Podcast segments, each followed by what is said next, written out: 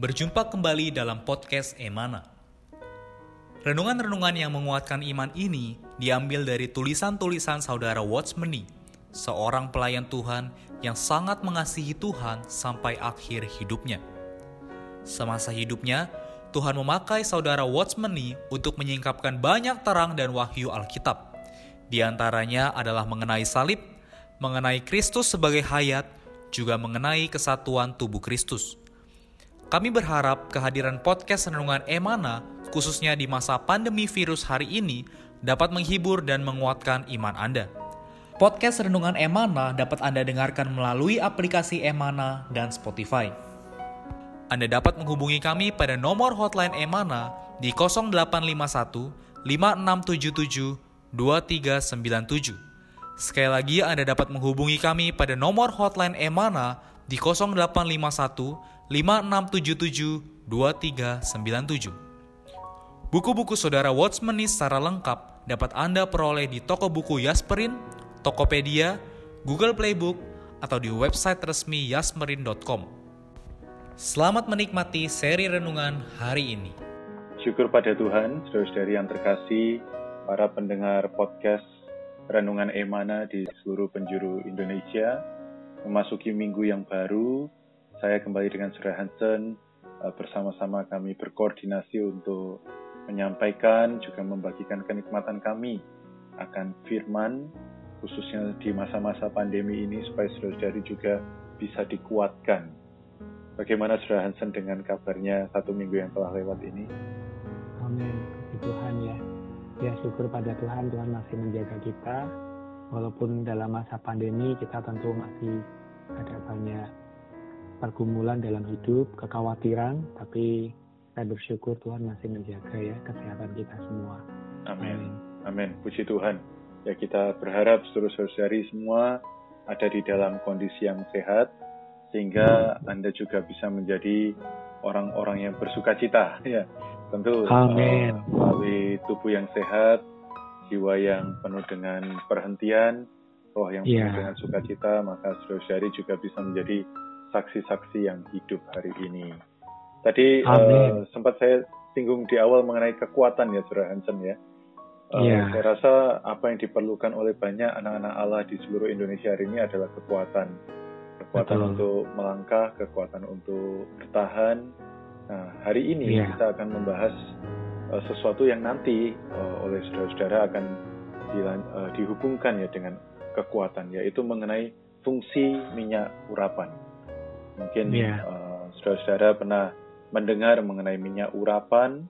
Nah, kali ini kami akan uh, membawakannya uh, bagaimana minyak urapan ini adalah sesuatu yang real dan bisa kita alami uh, secara real ya, bukan sesuatu yang luaran.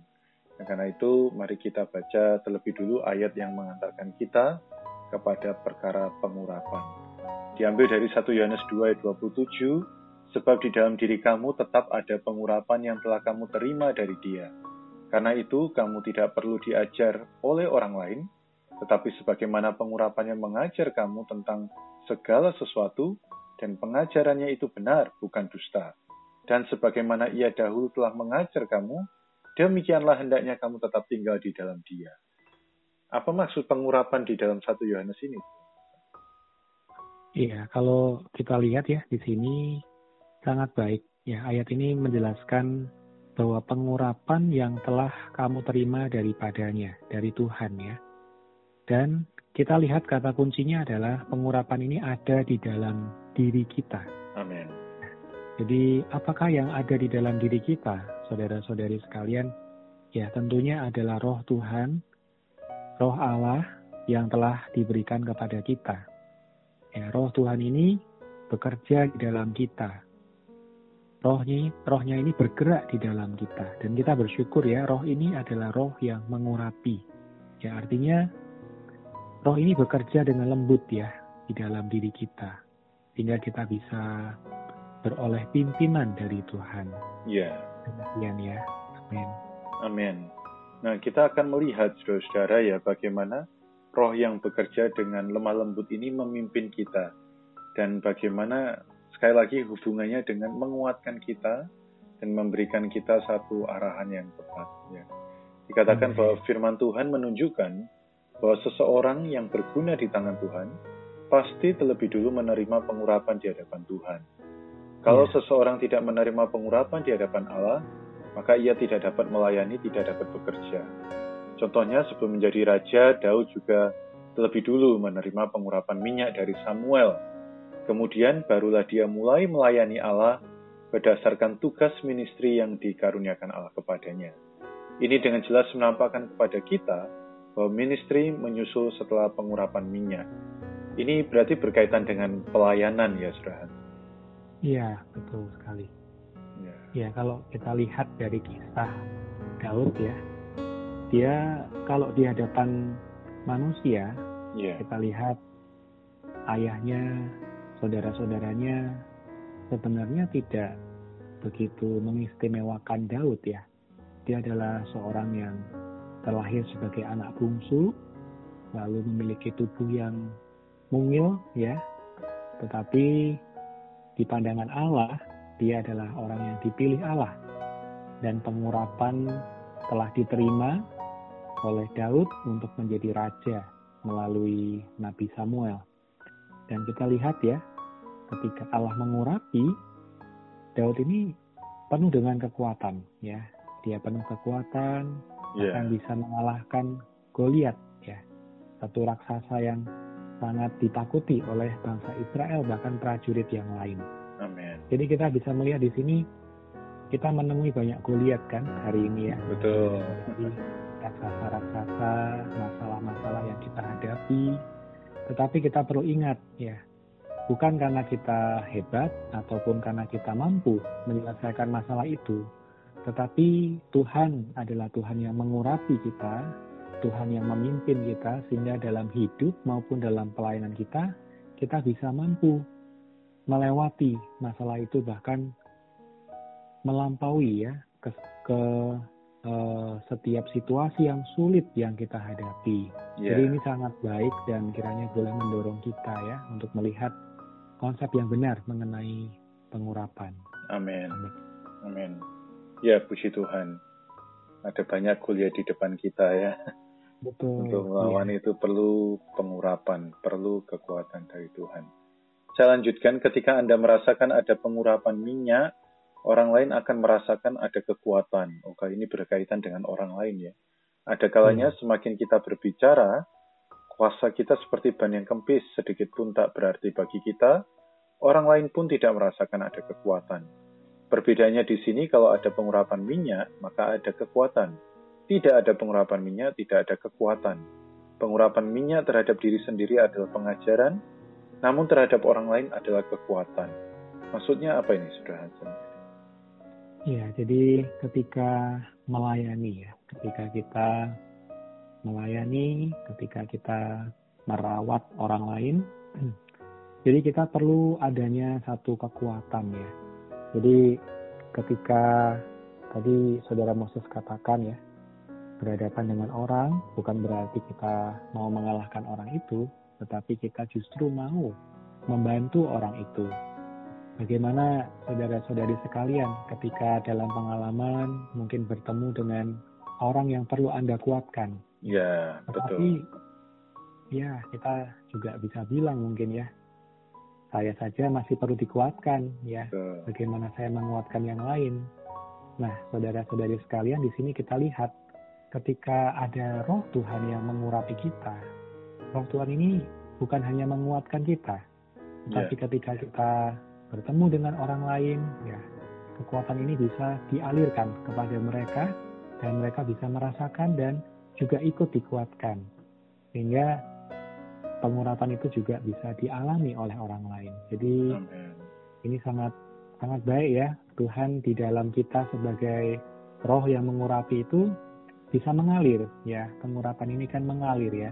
Mengalir dari kita kepada orang lain. Jadi bukan hanya kita yang dikuatkan tapi juga orang lain dalam menghadapi masa masa pandemi ini juga bisa dikuatkan amin ya amin pengurapan ini bukan hanya untuk diri kita sendiri tetapi Betul. juga untuk orang lain ya Saudara Hansen ya Nanti mungkin setelah ini bisa dijawab, saya mungkin akan bacakan satu paragraf terakhir, tapi mohon nanti dijawab kalau begitu, dari mana kita bisa mendapatkan pengurapan itu? Ya ini pasti yang banyak ditanya-tanyakan ya sama para pendengar.